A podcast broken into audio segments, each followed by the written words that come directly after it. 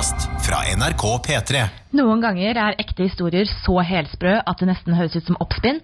Netflix true crime-dokumentaren Tiger King er det perfekte eksempelet på akkurat dette. Sesong tre av krimserien Ozark er scener fra et krimdynka ekteskap. Og jeg skal anmelde to nye strømmefilmer med visse likhetstrekk. The Hunt, en sorthumoristisk overlevelsestriller med politisk brodd, og Guns Akimbo, en frenetisk og hypervoldelig actionfilm som kommenterer vårt økende medieforbruk og underholdningsbehov.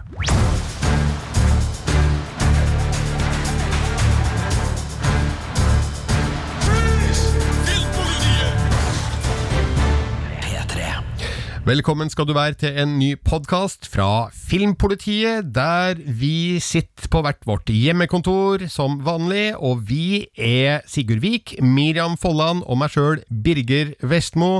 Og siden vi ikke kan gå på kino om dagen, så har vi full oppmerksomhet mot det som skjer i TV-ruta. Og um, akkurat nå er det mange som er interessert i en ny true crime-serie på Netflix.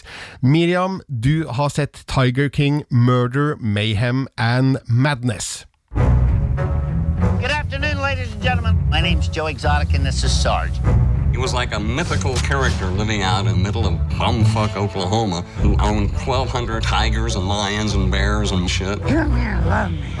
Matt spoken, good looking, love to party and have fun. I don't think we're done blowing shit up today. I don't figure you are. Serien heter altså Tiger King, Murder, Mayhem and Madness. Og hva er det her, Miriam? Det handler om eh, folk som eier tigre i USA, og da mer bestemt eh, rundt én person som er eh, helt besatt av tigre. Han eh, kaller seg selv Joe Exotic og har erklært seg selv som Tigerkongen, eller Tiger King, og har da en sånn eh, roadside eh, dyrehage i eh, Oklahoma i USA, hvor han har over 180 store kattedyr, da, og eh, hovedsakelig veldig mange tigre. Og eh, det, denne, det er jo en true crime-dokumentarserie, så den har jo eh, også et element av et, en, noe kriminelt som har skjedd. Og det er da at han har eh, blitt angivelig da ansatt noen til å drepe hans langvarige erkefiende og nei, dyrerettighetsforkjemper Carol Baskin. Det høres jo nesten ut som eh, konstruert fiksjon, sånn som du legger det frem, men det er altså eh, real life, det her? Altså en dokumentarisk serie? Ja, det er en dokumentar i syv deler som da begynner med at vi får høre om dette eh, At han har hyret noen til å drepe noen, eh, og sitter i fengsel for det. Eh, og så går den tilbake, fire år tilbake, og liksom begynner å nøste opp i den rivaliseringen mellom disse to personlighetene. Og også bare prøve å liksom skinne lys på eh, denne veldig snodige Dette fenomenet da, av folk som eier tigre og store kattedyr. Fordi de er utrolig sære mennesker, og det er noe som de legger veldig vekt på på starten, at folk som eier store katter, de er de merkeligste menneskene. Og det får man virkelig sett i den dokumentaren her, fordi han Joe Exotic er bare eh, ja, bare eh, megaeksentrisk type som eh, jager etter berømmelse og oppmerksomhet og har disse kattene disse tigrene da, for å gjøre seg selv nesten til en liksom større larger than life type karakter. da. Sigurd, du snakka om eh, Tiger Kings i starten av uka fordi den hadde dukka opp i feeden din på sosiale medier, sa du. Hvorfor tror du folk oppdager en sånn serie som høres ganske snål ut? Nei, denne uh, dokuserien legger seg i en tradisjon som Netflix har lyktes med, der 'Making a Murderer' og, og ja, nå sist 'Ikke kødd med katter' er, er relevante eksempler. Altså uh, dokumentarserier som har uh, en god porsjon krim og en god porsjon uh, um, Hva skal man si? Altså muligheter for sympati. Altså man kan, man kan leve seg inn i det her. Den har elementer som virkelig får følelsene i kok, i tillegg til, til rollegalleri som er helt ellevilt vil. Og eh, det er eh, mest fascinerende jeg kan si med den serien her, er at til tross for at den handler veldig mye om uh, tigre, så, eh, så glemmer du egentlig tigrene etter en stund, for det er så mye ellevilt som skjer her, og den tar så mange vendinger, og den eskalerer på så mange ulike eh, steder til ulike tider, at du, du sitter egentlig med et eh, hakeslepp som, eh, som bare kommer episode etter episode etter episode. Det er ikke en perfekt dokumentar som dokumentar, nødvendigvis. Den har både etiske og formmessige skavanker, og, og det går an å stille ganske mange spørsmålstegn rundt den her, som det også gjorde da med ikke minst 'Making a Murderer'. Men eh, det er litt sånn der um, Det er så mye eh, ja, Hvis man eh, bruker et bilde på at man blir, blir um, begeistra over skinnende ting, altså hvis det er nytt og hvis det skinner, så blir man litt sånn wow! Litt som en sånn fancy ny katteleke, og sånn er det med alle de nye rollefigurene som dukker opp i den serien. der, Det er bare sånn Oi, se der! Oi, se der! Oi, se der! Så du blir egentlig bare helt revet med. Miriam, nå er det jo du som har anmeldt eh, Tiger King, Murder, Mayhem and Madness på P3, NO Filmpolitiet. Hva var det som eh, fanga interessen din da du begynte å se på det her? Uh, det Vel, jeg hadde jo egentlig ikke så veldig lyst til å se den, fordi at jeg li- jeg, jeg, jeg hater egentlig sånne dokumentarer om hvordan dyr blir mishandlet av mennesker. Og i hvert fall sånn systematisk mishandling som skjer i veldig mange deler av USA. Så jeg ble liksom litt sånn Åh, trenger jeg det her nå? Jeg er jo allerede litt sånn derre brakkesjuk og isolasjonsdeppa. Så er det er liksom en sånn enda en serie som skal minne meg om hvor forferdelige mennesker er. Som jeg trenger nå. Men, men det som er veldig kult med Tiger King, da, er at den eh, så, den bare tar så sykt mange vendinger, som Sigurd sier. Og, og den, du, du tror hele tiden at du vet hva det skal handle om, og så, og så, og så bare, men du aner ikke, fordi plutselig så bare drar den deg inn på et helt nytt spor. Og eh, jeg, jeg liker veldig godt måten det er gjort på. da, Måten den egentlig bare forteller en sånn helsprø eh, snodig og veldig underholdende eh, historie. Og så er det jo noe med det at eh, den som dokumentar er ganske interessant. Og jeg er enig med Sigurd at det er noen ting som er litt sånn man kan stille liksom etisk spørsmål til, men noe jeg liker veldig godt, da, er at den er ganske sånn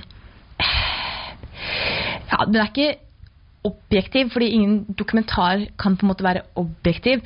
Og de har jo unektelig en slags sånn agenda eller noe de har lyst til å si, men det er ikke sånn som med mange sånne eh, dokumentarer som har en tydelig politisk eller moralsk eh, sånn, ja, agenda, da, så har, er ikke den her sånn overtydelig på den måten. Altså, den smører ikke veldig på deler og sier sånn Se så slemme og onde disse menneskene er, og dette er the good guys, det, men at den bare Du heier egentlig ikke på noen. Den viser bare frem et sånt veldig sånn sirkus av noen folk.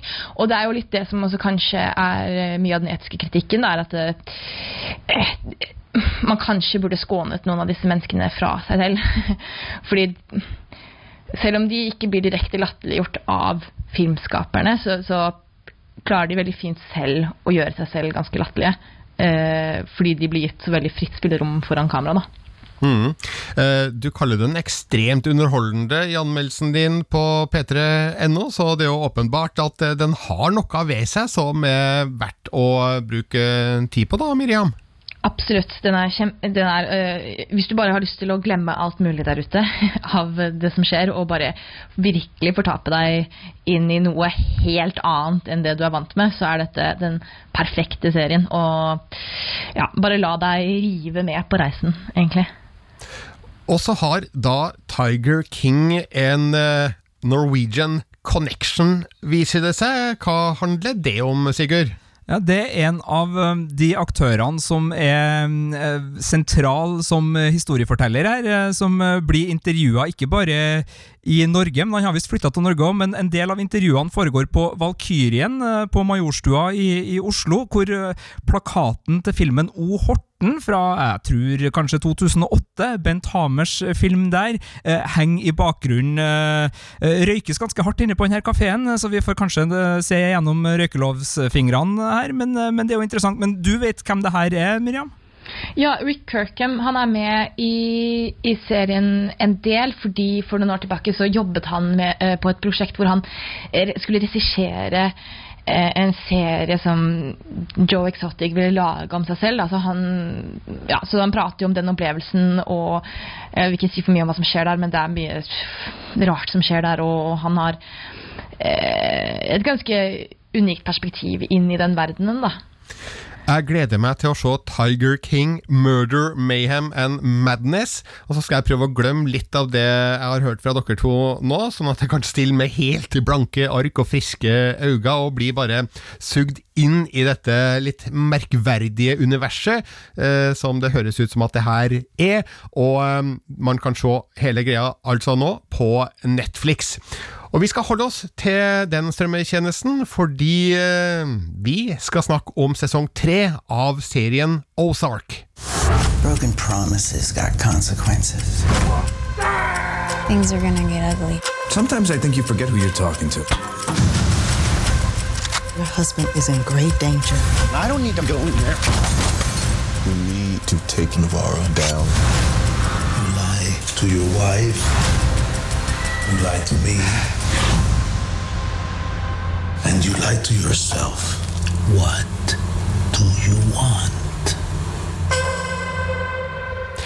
Ozark sesong tre er altså aktuell på Netflix, og du har sett uh, rubb og rake av sesongen, Sigurd. Og um, for de uinnvidde, kan du bare kort uh, gjenta, eller minne oss på, hva Ozark er for noe? Det er en av de mer populære Netflix-originalseriene når det gjelder krimkategorien. Den var Emmy-nominert for beste dramaserie i fjor, for sesong to.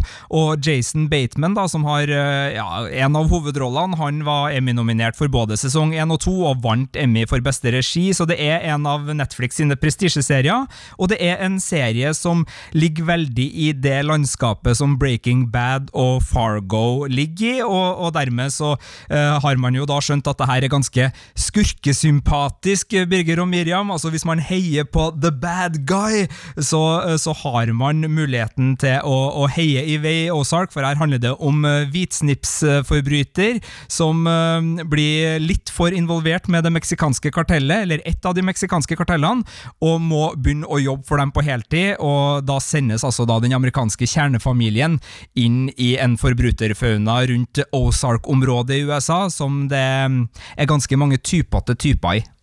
Jeg har jo nettopp avslutta Narcos Mexico sesong to. Ja, jeg vet jeg henger litt etter, men kanskje det er en naturlig overgang da, for meg å gå videre til, til Ozark nå, som jeg ikke har sett noe av?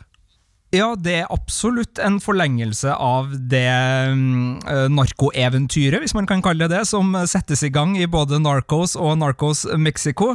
Men her befinner vi oss da i, i et moderne landskap, og uh, Marty Bird, da, som har vært hovedpersonen gjennom de, siste, de, de første to sesongene, som spilles da av Jason Bateman, han uh, har brukt de to, to, to, sesongene på å prøve å få seg sjøl og familien ut under tommelen til det meksikanske kartellet, som da eier han. Uh, men i denne sesongen, så uten å avsløre for mye, så er det da at uh, de har begynt å innse at uh, kanskje har enkelte familiemedlemmer talenter som kan brukes uh, på skråplanet. Uh, her er da Walter White-ånden, hvis man skal ta en Breaking Bad-referanse, ganske sterk. Og det er spesielt kona i familien, altså mor Bird, Wendy Bird, spilt av Laura Linney, som har sett seg lei på både å være i passasjersetet, som hun beskriver det som, i ekteskapet, men hun oppdaga også at hvis vi nå først skal være kriminell familie, Kanskje jeg bør ha styringa her. Så det er en uh, sesong som uh, lar matriarkene uh, trø fram, sammen med en del andre sterke og gode kvinnelige rollefigurer her. så er det rett og slett fornøyelig å, se en serie som klarer å skape underholdning rundt hvem lurer hvem av skurker, og så er mannfolkene mer eller mindre skvisa i bakgrunnen. Det er helt på sin plass, og det her er rollefigurer som gjør det her her til topp topp underholdning. Vil spesielt trekke fram Ruth Langmore, spilt av Julia Garner, og Darlene Snell, spilt av Lisa Emery, som eh, allerede har etablert seg som to ekstremt brutale og artige og råe rollefigurer. Men i denne sesongen så får de da skinne mer, fordi de har eh, gjort ting på hjemmebane som gjør at de er i eh, litt sterkere posisjoner i egen husholdning. Men i anmeldelsen din da på P3NO Filmpolitiet, så ja, du sammenligner jo da Ozark med serien som Breaking Bad og Fargo, men du skriver at eh, den er ikke like god. Nei, den er uh, litt sånn todelt Ozark. Den er helt nydelig uh, på overflata. Den har en gråblå estetikk som den har gjort til sitt uh, varemerke, og den er veldig delikat laga og ser bra ut, og har liksom alt du trenger for at du skal kunne sjekke av på, på lista over hva bør en sånn god skurkesympatisk krim inneholde. Men under den overflata så er både rollefigurer og den tematiske dybden og, og originaliteten svakere enn i både Breaking Bad og Fargo. Den er svakere enn Breaking Bad i det at uh, rollefigurene her har ikke den kompleksiteten og tar ikke de interessante valgene som fører oss ned i materien på, på like god måte som Breaking Bad og, og Better Call Saul gjør. Og den er dårligere enn Fargo, fordi at selv om den har veldig mange typer til typer som liksom spretter ut av treverket rundt uh, innsjøområdet i, i Åsark-området, så, så, mangler den den originaliteten og kreativiteten til å virkelig få de her figurene til å, å feste seg. og det den, den, har liksom, den, den, tyr til litt enkle løsninger og litt klisjeer, og så har den, spesielt da i, i Marty Bird, en, en, rollefigur som de egentlig har kjørt ferdig. Han var helt uh, gnagd til beinet i sesong to, det var ingenting igjen der. Nå får han heldigvis være litt i bakgrunnen i denne sesongen, det hjelper på, men, men de har liksom ikke bygd rollefigurer som tåler sesong på sesong, nødvendigvis. Og den siste innvendinga mi som, som gjør at det her ender opp på en terningkast fire, er at det der Netflix-greia med at det alltid skal være uh, 10 eller 13 episoder, uh, er ikke bra for alle serier og ikke alle sesonger. Og Ozark sesong tre blir både litt sånn uforløst og oppblåst ved at for å liksom fylle de her episodene og drive dem framover, så introduseres en del konfliktlinjer og en del rollefigurer som er der bare for å drive oss framover, men de har egentlig ikke en god plass i helheten, og forlates også fister liksom ut i landskapet etter hvert som de har gjort nytta si. Det syns ikke jeg er god nok historiefortelling, så det er også tydelig at manuset ikke holder helt topp kvalitet når det gjelder Ozark, men de som elsker utseendet på denne serien, og som syns det er godt sofaselskap å henge med Bird-familien, og det er det mange som gjør, de får en solid dose denne gangen. Men eh, jeg har lyst til å hive meg på Ozark, Sigurd. Og vet du, hovedårsaken, bortsett fra at du nå skryter av serien da, eh, generelt, eh, er at jeg har alltid hatt stor sans for Jason Bateman, eh, og det til tross for at eh, han har jo liksom normalt, vanlig utseende, kanskje litt sånn eh, A4-fremtoning, men har jo veldig gode, gode, minner fra Arrested Development, og han spilte godt i Juno, og vi har sett den i Bad Words og Office Christmas Party, og uansett hva slags film Jason Bateman er med i, så så gjør han en sympatisk figur. da, så Han stiller litt sånn i samme klasse som folk som Martin Freeman og Tom Hanks, som liksom er likende uh, karer, hvis du skjønner. Er du med meg på det? Ja, og Martin Freeman er et interessant, en interessant parallell her, fordi han gjør jo litt den samme type rollefiguren i Fargo sesong 1. Altså, her snakker vi jo om en person som er så middelklasse og så på rett side av loven i uh, sin, uh, sin, livssituasjon at vi blir liksom sittende og, og, og, fascineres av hvordan det er da, da denne personens faktiske forbrytelser tar han ut av den tryggheten og, og inn i mer på en, en brutal verden. Og Jason Bateman fungerte veldig godt til det i, i sesong én, syns jeg. Da, da, var hans liksom, overraskelse over hvordan kan det her ramme meg? Jeg er jo en anstendig borger. Jeg har jo hvitt stakittgjerde, jeg har jo en familie, jeg har to barn som går på skole. altså Jeg er jo ikke en sånn skurk. Så, så der har du absolutt noe å glede deg til hvis du skal gyve løs på, på Ozark sesong én, for der syns jeg han, han treffer den samme biten som Martin Freeman gjorde så fint i, i Fargo sesong én, da han også som en anstendig borger bestemmer seg for å gjøre en totalt uanstendig kriminell handling. Så, så det, det, er noe der, altså. Og han har litt bitte litt av Arrested Development-kjeikheten i seg også denne gangen. Miriam, har du en mening om Jason Bateman? Jeg er helt enig i det du sa. Jeg vet ikke hvorfor, men jeg bare elsker han i alt han er i. og han har en sånn tilstedeværelse eh, Kanskje det er det. At det er, han er en veldig god skuespiller, og, og selv om han ja, ikke er så spesiell, så har han en sånn Han har et eller annet som er veldig sånn uh, fengslende, da. Så jeg også har Jeg har ikke sett uh, Ozark, men har uh, hatt lyst til å se det på grunn av han, da. Jeg lurer på om det kanskje kan være fordi at han er tilsynelatende en vanlig fyr. At det gjør det enklere for sånne som oss å relatere oss til han, da, og sette oss inn i de utfordringene han uh, går gjennom til enhver tid da, i, i filmer og serier. Jeg har ikke noe klart svar på det, men uh, jeg tenker i hvert fall at uh, det skader ikke for en serie å ha Jason Bateman i en av hovedrollene, og det har altså Ozark sesong tre. Er det godt nok det her, Sigurd, til at uh, du kan anbefale alle å gyve løs på de tre sesongene? Uh, jeg kan i hvert fall anbefale alle å gyve løs på sesong én, og så går det an å gi seg etter den. Og, men hvis du blir skikkelig skikkelig fenga, så, så, er det kvalitet nok til og med da denne tredje sesongen til at det svinger. Sjøl om um, jeg uh, Ok, skal jeg si det her, da? Ja, jeg kan si det her uten å, å spoile. Uh, serien eh, åpner opp for en sesong fire, og det gjøres på en sånn formelmåte som irriterer meg grenseløst. Uh, men det er bare snakk om helt på tampen, og det ødelegger ikke for sesongen sånn for øvrig. Men Netflix begynner å irritere meg uh, for at de ikke klarer liksom å, å, drive med historiefortelling der man får servert noe som er ei historie. Det, liksom alt, det er sånn skrekkfilmlogikk. Det skal alltid komme ei hånd opp fra, fra grava, og det, det begynner å, å, å, slite på meg. Men, men, det var en personlig uh, klage. skal skal, skal, selvfølgelig rigge kundeservice til Netflix og, og framføre den der også, men jeg vet ikke, hva syns dere om det? At det liksom alltid skal komme ei hånd opp av den sabla gravjorda? Nei, det er jo en klisjé som uh, er tatt i bruk gang på gang, og det er vel omtrent som uh, Wilhelm Scream, uh, som brukes i film etter film, for de som vet hva det er for noe.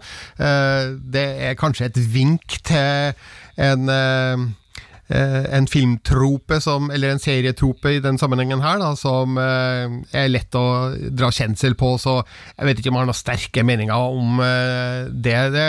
det. er jo i hvert fall en filmtradisjon og en serietradisjon da, som de i så fall har fulgt her, så Uh, ja, jeg vet ikke om jeg skal la meg irritere like mye av det som du gjør, men det er lov å bli sur, Sigurd. Det er lov, det. jeg syns kanskje det som er irriterende med det, er at de bare de gjør det ofte i serier eh, for å liksom ha muligheten til å lage en, en sesong til, eller muligheten til å lage en film til. Men så er det ikke egentlig intendert. Og det er bare sånn, ja, men hvis det går bra med denne sesongen her, så har vi i hvert fall muligheten da til å lage en til. Og da er det litt sånn Dere har ikke tenkt da, Ja, når det ikke er noe liksom egentlig intensjon bak det, og mer enn sånn ja ja, la oss bare gjøre det. Og det er det det føles på med Netflix. da, at uh, La oss bare ha dørene åpne til en sesong til, fordi at vi kan jo like så godt gjøre det, fordi det kan, vi har masse penger, og det kan jo hende vi bare kan pøse på med flere episoder. Er det der frustrasjonen det akkurat... ligger, Sigurd? Ja, jeg er så enig, og det er den der at det føles økonomisk motivert, og ikke nødvendigvis uh, narrativt motivert. og liksom Hvis du har kjennetegnene for Nå er ikke bare Netflix, da, altså andre strømmetjenester gjør det her, men hvis det er liksom sånn her, det må være 10 episoder eller 13 episoder som skal være på en time, og det må være åpen slutt. Altså, det er ganske brutale rammer å skrive historier innafor, så jeg tenker at man kanskje skal være litt mer fleksibel. Men uh, nå så jeg forresten at uh, skaperne av Tiger King hadde motstå, uh, motstått fristen til ti episoder, fordi de mente at det var sju episoder som var liksom episodeinndelinga de hadde sett for seg, og selv om de fikk liksom mer og mer stoff etter hvert som gjorde at de kunne ha dratt det ut, så, så valgte de å liksom heller klippe litt brutalt og, og holde det ned, enn å, enn å, la det skli ut. Så, så det er ikke alt Netflix uh, gjør her som, som blir galt, altså, men, men, det, det er et, et, kjennetegn og en tendens som jeg kjenner at uh, ja, jeg, jeg sukka høyt i min sofa uh, da rulleteksten kom på episode ti. Jeg konstaterer at du har gitt Ozark sesong tre terningkast eh, fire, Sigurd. Og de som vil lese hvorfor i ro og mak, kan gjøre det på p3.no filmpolitiet. Og så kan man da eventuelt se serien etterpå på Netflix.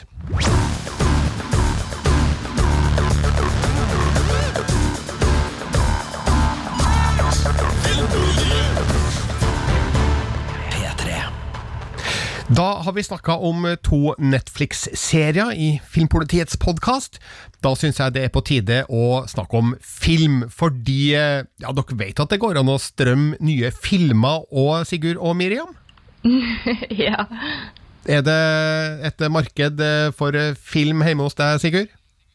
Uh, det er uh, det. Jeg merker at jeg driver og ser en del gamle filmer nå. Jeg så Spaceballs, altså Star Wars, og, og med mer parodien her i uka som gikk, så jeg har vel heller gått tilbake i, i tid og, og barndom, men, men, jeg er veldig glad for at du passer på uh, nyhetene, Birger, og sørger for at vi er oppdatert. og det er vel ikke, det, det, Du har vel flere ferske godbiter du skal, eller i hvert fall ferske filmer du skal snakke om nå? Ja. Den første heter The Hunt. Skulle egentlig ha kinopremiere i løpet av våren.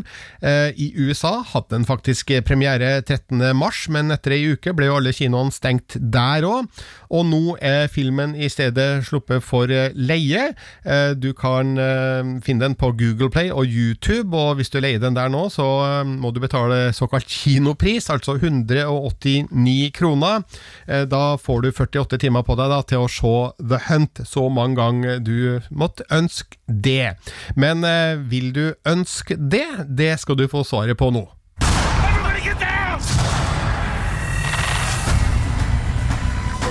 I know what this is. It's Mannergate. Every year, these rich elites kidnap a bunch of normal folks like us. Where'd they get you from? Wyoming. Orlando. Mississippi. This is a real thing. You're hunting human beings for sport. Then you're not human beings. Det her var lyd altså fra The Hunt, og det er en film som ble mm, omspunnet av en del kontroverser i fjor høst, da den egentlig skulle ha USA-premiere. Eh, det skjedde et par ting den uka, eh, i uka før den skulle ha premiere. Det var to eh, stygge masseskytingshendelser i USA. Deretter fikk filmen kritikk fra et anker på Fox News som heter Laura Ingraham. Hun hadde fått med seg hva filmen handla om, og eh, kritisert eh, handlingsreferatet på sitt TV-program. Eh, I kjølvannet av det så la president Donald Trump ut en melding på Twitter, der han også kritiserte det filmen handla om, uten at noen av dem selvfølgelig hadde sett filmen det som skjedde etterpå, var at eh, Universal Pictures eh, de eh, fikk kalde føtter, og de stoppa da den planlagte premieren. Utsatt hele greia, og i stedet da fikk den ny premiere da 13. mars. Det filmen handler om, er jo kjernen til hele mm, sulamitten. Det er nemlig en film om en gjeng liberale rikinger som kidnapper en gruppe republikanere, setter dem ut i en skog og jakter på dem. Og dette er jo da eh, noe som eh, feller noen tungt for brystet, eh, som kanskje ikke forstår konseptet med satire som ikke liker å bli gjort narr av. Men eh, greia her er jo at eh, regissør Craig Sobel og manusforfatterne Nick Cuse og den mer kjente Damon Lindelof, de sparker jo begge veier her. De gjør narr av eh, både demokratiske og republikanske verdier, og det filmen gjør, er jo å sette søkelyset på motsetningene, altså de skarpe, uforsonlige motsetningene i amerikansk politikk. Selvfølgelig forsterka i ente potens, da, i denne filmen. Så her kan eh, de som eh, har et eh, demokratisk verdisyn, kjenne igjen argumenter de kanskje har sjøl mot republikanere, og vice versa. Altså, jegerne i denne filmen, som vi da må anta er demokrater, de er jo da veldig opptatt av klimaspørsmål, identitetspolitikk og likestilling og våpenkontroll, mens de som blir jaga, som da etter alt å dømme eh, kanskje er republikanske velgere, uten at det sies rett ut. De tror veldig på konspirasjoner, de er selvfølgelig veldig vennlig innstilt til våpen, og så er de fremmedfiendtlige øh, immigrasjonsmotstandere, og ja, kanskje til og med en smule rasistiske, noen av dem. Så øh, det her er jo da en film som øh, har et øh, bakenforliggende budskap og en tematikk som er relaterbar i eh, den politiske situasjonen vi er i nå. Men først og fremst så er det her en sorthumoristisk thriller med masse rå humor og masse brutal, blodig vold. Og det vet dere at jeg liker, Miriam og Sigurd. ja, det, og den høres veldig kul ut. Men jeg lurer litt på litt tilbake til det du sa om at uh, den gjør narr av begge to. Men, men, hva tror du egentlig er intensjonen? Fordi den, kanskje, den setter liksom den polariseringen som er i USA på spissen. Men har den noe mål om å på en måte forsone det, eller er det egentlig bare for å lage en morsom satire, liksom? Altså, her tror jeg ikke filmskaperne har prøvd å forsone noe som helst. Okay. eh, altså det den gjør, er jo å belyse politiske ytterpunkter, eh, slik at eh, motsetningene blir både latterliggjort, men også tydeliggjort. Eh, slik at her er det grunn til å Altså, her er det mulighet for mange å kjenne seg igjen, men kanskje også se at steile politiske holdninger muligens ikke er spesielt uh, samfunnsnyttig. Eh, så her kan det muligens være at de, de, de vil vise hvordan uh, vi da tar i bruk misforståelser og misoppfatninger på, på alle sider i den politiske debatten, da, og hvordan det egentlig hindrer en løsningsorientert diskusjon da, når det kommer til politikk. Men det her ligger langt bak i historien, jeg må rett og slett bare poengtere det, fordi, som jeg sa, først og fremst så handler det om denne kampen mellom jegerne og ofrene, og hvordan noen av ofrene da vil være i stand til å kjempe tilbake, uten at jeg skal avsløre veldig mye av det som skjer i filmen. Men eh, jeg ble underholdt. Det her er mørkt, og det er morsomt, og det er ikke minst veldig voldelig. Jeg vet ikke, når det sprenges hoder og kropper og innvoller flyg, hva syns du om det, Sigurd? Er det godkjente virkemidler i en film med et politisk bakgrunnsbudskap? Ja, absolutt. Det er jo et uh, godkjent virkemiddel i uh, all film, så lenge aldersgrensa er, er, på plass, selvfølgelig. Uh, nå er det jo ikke noe tvil om at hvis jeg og du, Burger, skulle ha gått head to head i en quiz som stort sett sentrerte seg rundt kroppsdeler som føyk og, og skytevåpen og eksplosjoner, så hadde nok du gått seirende ut av den, sånn kunnskapsmessig, og kanskje også fanmessig, for det her er jo en, en hjemmebane du er, er god på. og jeg spør deg derfor tilbake. altså På Birgers uh, gladvoldsskala, hvor plasserer den her seg? Altså eh, Hvis du spør på terningkastet, så er det fire. Eh, og det er absolutt eh, godkjent og severdig og verdt å bruke litt penger på for, for å leie. Eh, jeg trekker jo en del paralleller i filmen til Uh, altså, uh, The Most Dangerous Game er jo en gammel film fra 1930-tallet som handler om menneskejakt. Uh, og også Hard Target, da, John Woos film fra 1993, som jo ikke har noe som helst politisk budskap underliggende seg, men den har masse gladvold.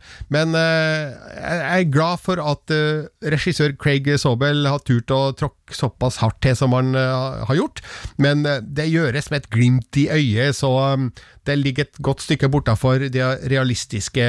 Det her, eh, hvis du husker den eh, Monty Python-scenen med han ridderen som mister stadig flere lemmer, så er det litt der vi ligger her på voldsskalaen. Så eh, om du ikke er veldig glad i eh, voldsfilm, så er det her mer komisk vold, hvis du skjønner. Så jeg tenker at The Hunt skal være mulig å å konsumere da for et ganske bredt spekter av uh, folk, sjøl om jeg innser at uh, ja, dette er muligens en film som ikke kanskje skal ses sammen med foreldre. Eh, Jeg tenker at eh, den er såpass kraftig i kosten at eh, eh, de som ikke er vant til å se voldsskildringer på film, kanskje bør spares for det. Altså, Den har 15-årsgrense, så det her er fullt gangbart eh, for de aller fleste, altså. Men eh, jeg tenker at Hunt den eh, fortjener å bli sett, og det at eh, Donald Trump eh, nesten fikk den stoppa på kino, og kanskje grunn god nok for mange til å faktisk gi den en eh, sjanse, eh, den er altså eh, tilgjengelig for, eh, for eh, kinoprisleie på Google Play og YouTube akkurat nå, og så blir det nok sluppet på flere plattformer etter hvert. Men eh, terningkast fire altså til The Hunt, som, eh, og du kan lese hele anmeldelsen på p3.no Filmpolitiet. Eh, Vi skal over på en annen film som har eh, en god del likhetstrekk med The Hunt. Den heter Guns Akimbo.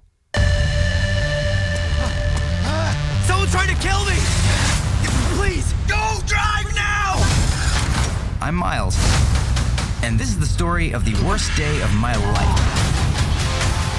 Another schism. Schism. Schism. Schism. Schism picked random psychos, weirdos, and criminals and made them fight each other to the death. So the internet loved it. And then I came into the picture. Guns Akimbo er tittelen. Er det noen av dere, Sigurd og Miriam, som vet hva Akimbo er for noe? Nei. Jeg vet bare at Harry Potter uh, går rundt med, med pistoler uh, festa til armene. Ja, det er riktig. Akimbo er navnet på en kampteknikk der man uh, bruker et våpen i, i hver hånd. Og det er jo nettopp det som er hele utgangspunktet for eh, filmen.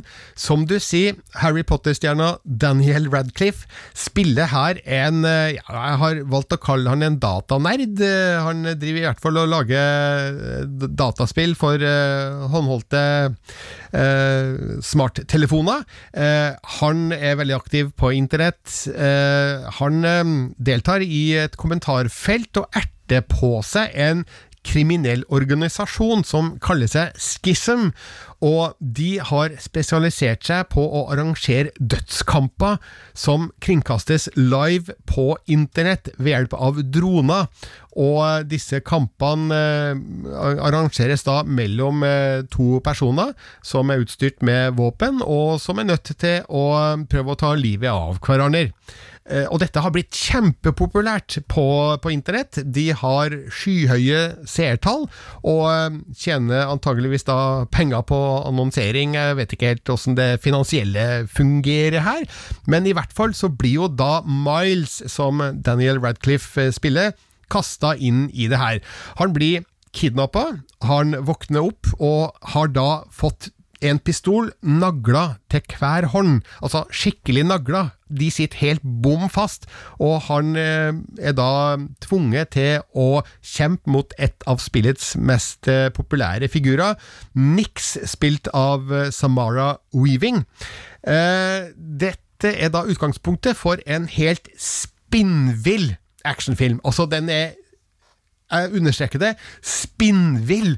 Eh, hvis man har sett en film som for eksempel eh, Crank eller Gamer, som begge ble eh, regissert av eh, Neville Dean Taylor, en, eh, en regissørduo, så er det filmer som er nærliggende å sammenligne Guns Akimbo med, fordi det her er vanvittig frenetisk action, der eh, kameraet spinner rundt opp og ned og eh, i sirkel og eh, snur seg i alle XYZ-aksens muligheter.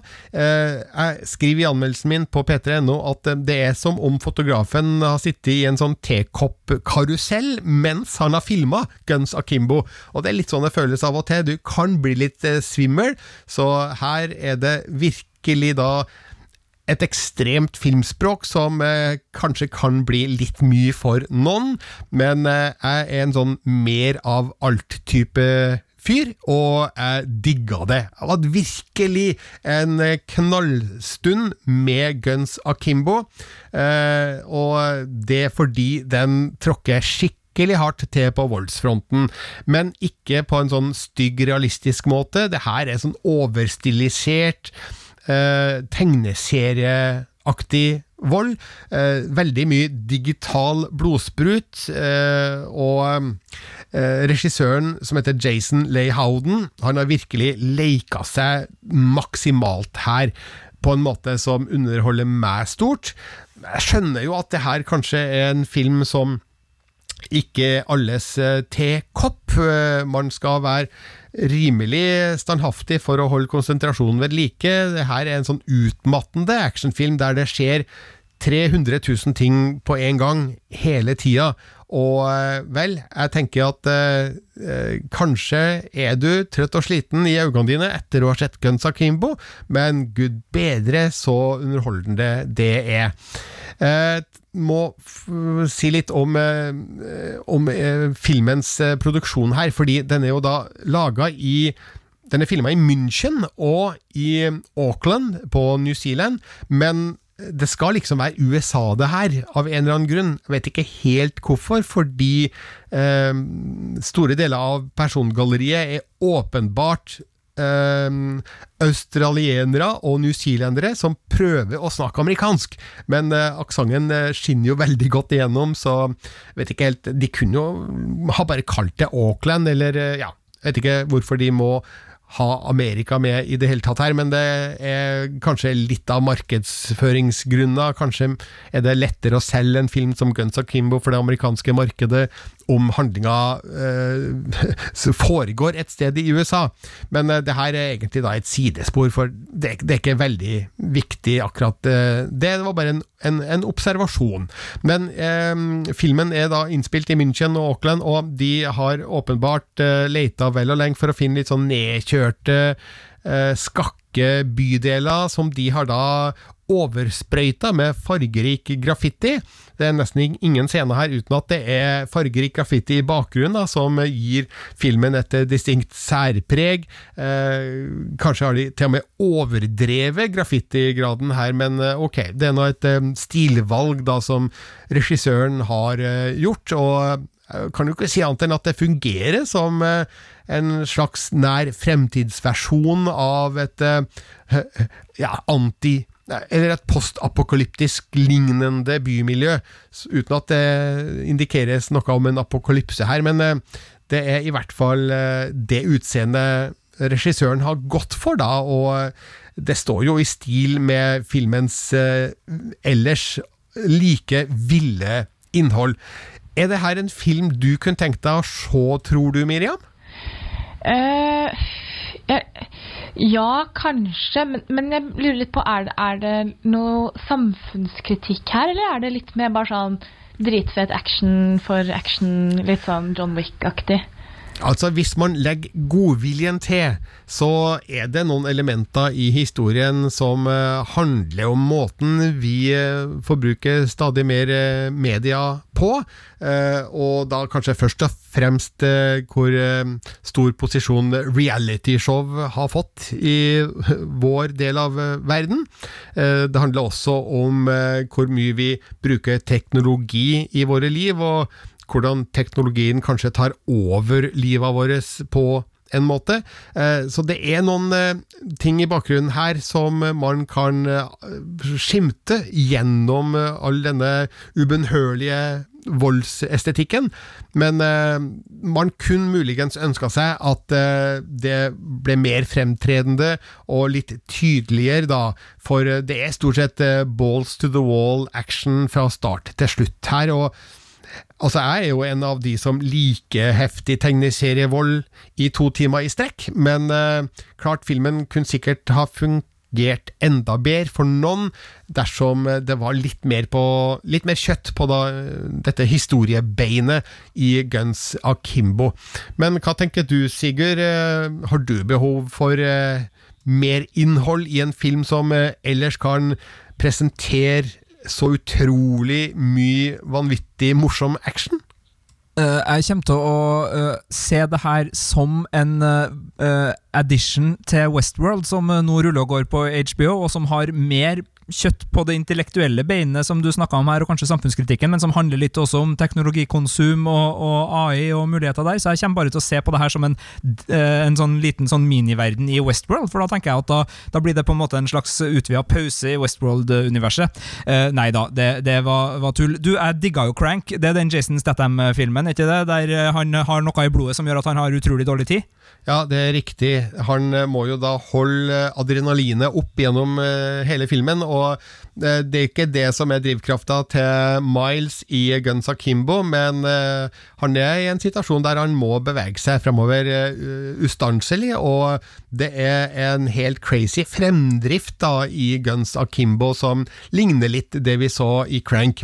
Som jeg sa, filmen er jo da skrevet og regissert av Jason Leigh Howden, som debuterte med den overraskende morsomme skrekkfilmen Deathgasm i 2015, som vel gikk på kino i Norge i ja, jeg husker ikke om det var i 2016 eller 2017, men han følger altså da opp med en film som vil glede alle actionhjerter der ute, og som viser oss Daniel Radcliffe i skikkelig god form.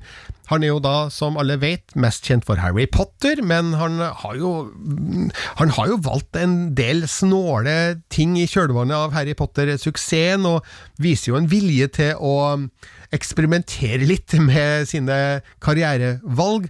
Da tenker jeg først og fremst på den Swiss Army Man, som vel handla om et et lik som uh, Face veldig mye.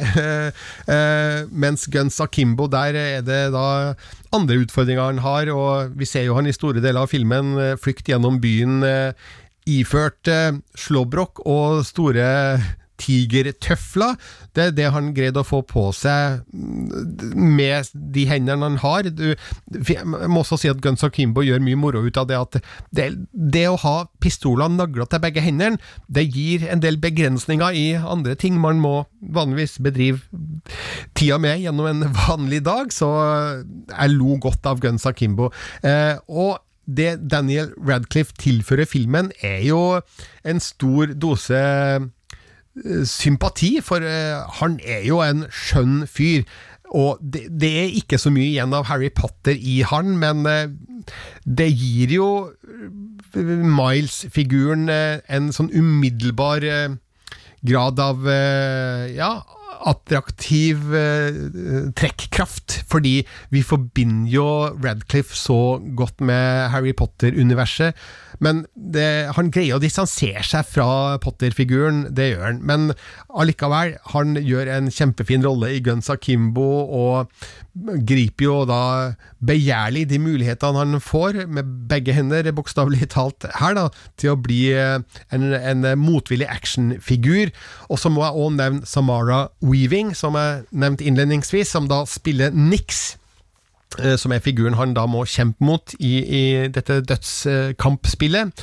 Eh, og for de som kjenner igjen etternavnet Weaving, så kan jeg si at ja, Samara Weaving er niesa til den mer kjente Hugo Weaving, som jo da er en populær, kjær skuespiller fra Australia, og hun gjør en skikkelig kul, morsom og skarp rolle som Nix, som er et veldig godt motstykke til Miles-figuren til Daniel Radcliffe. Så her kan jeg bare gi Guns Akimbo to tomler opp i været, og jeg har gitt terningkast fem. Samtidig som jeg vel kan ane at uh, det her er ikke en film alle filmkritikere kommer til å skryte opp i været, men uh, Spesielt du, Sigurd, som har jobba sammen med meg en stund. Du vet jo at det, det, her er jo en sånn type film som jeg ikke greier å la være å like. Det høres ut som noe som er rett opp i gata di, og jeg tenker da at det blir en uh, trippelbill på søndag. Først Speed, så Crank, og så uh, Hva sa du at den het igjen? Guns Akimbo. Det høres ut som en søndag. Ja, uh, Hva med The Hunt? Skal du ikke se The Hunt? det blir på lørdag. Ok, greit. Eh, hvis du har lyst til å se Guns Akimbo, så kan du kjøpe den nå på iTunes, Altibox, eh, SF Anytime og Rakuten TV. det er mulig at det er andre aktører som også har den, eh, men det de jeg fant nå, eh, så kan den nå leies eh, fra 30. mars, og så kan du kjøpe den på Blu-ray og DVD fra 6. april. Det var de to filmene jeg tenkte jeg skulle eh, snakke om og anbefale eh, i denne podkasten. Eh, hvis du går på p3.no Filmpolitiet, kan du òg lese min anmeldelse av eh, Woody Allens eh, nye film A Rainy Day in New York, med Timothy Chalamet og Ellie Fanning i eh, hovedrollen. Også faktisk Selena Gomez, så um, du kan lese anmeldelsen av den på p3.no filmpolitiet. Og så er vi tilbake med en ny podkast om en eh, ukes tid. Hør oss også på radio hver søndag mellom klokka 12 og 15. Du finner oss eh, på um, Instagram og på Twitter, og så kan du sende oss e-post til filmpolitiet at nrk.no hvis du ønsker å si oss et eller annet. Og oss, det er Sigurd Vik, Miriam Folland og Birger Vestmo. Takk for at du hørte på, og du finner flere podkaster i appen NRK Radio.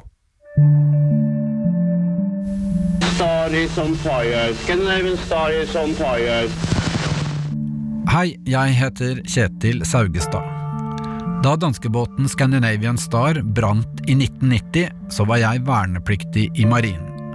Nyheten var liksom ikke til å forstå at katastrofen kosta 159 mennesker livet.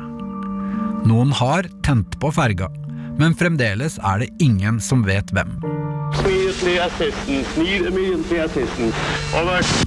Nå har jeg laga fortellingen om mordbrannen på Scandinavian Star i podkasten Hele historien.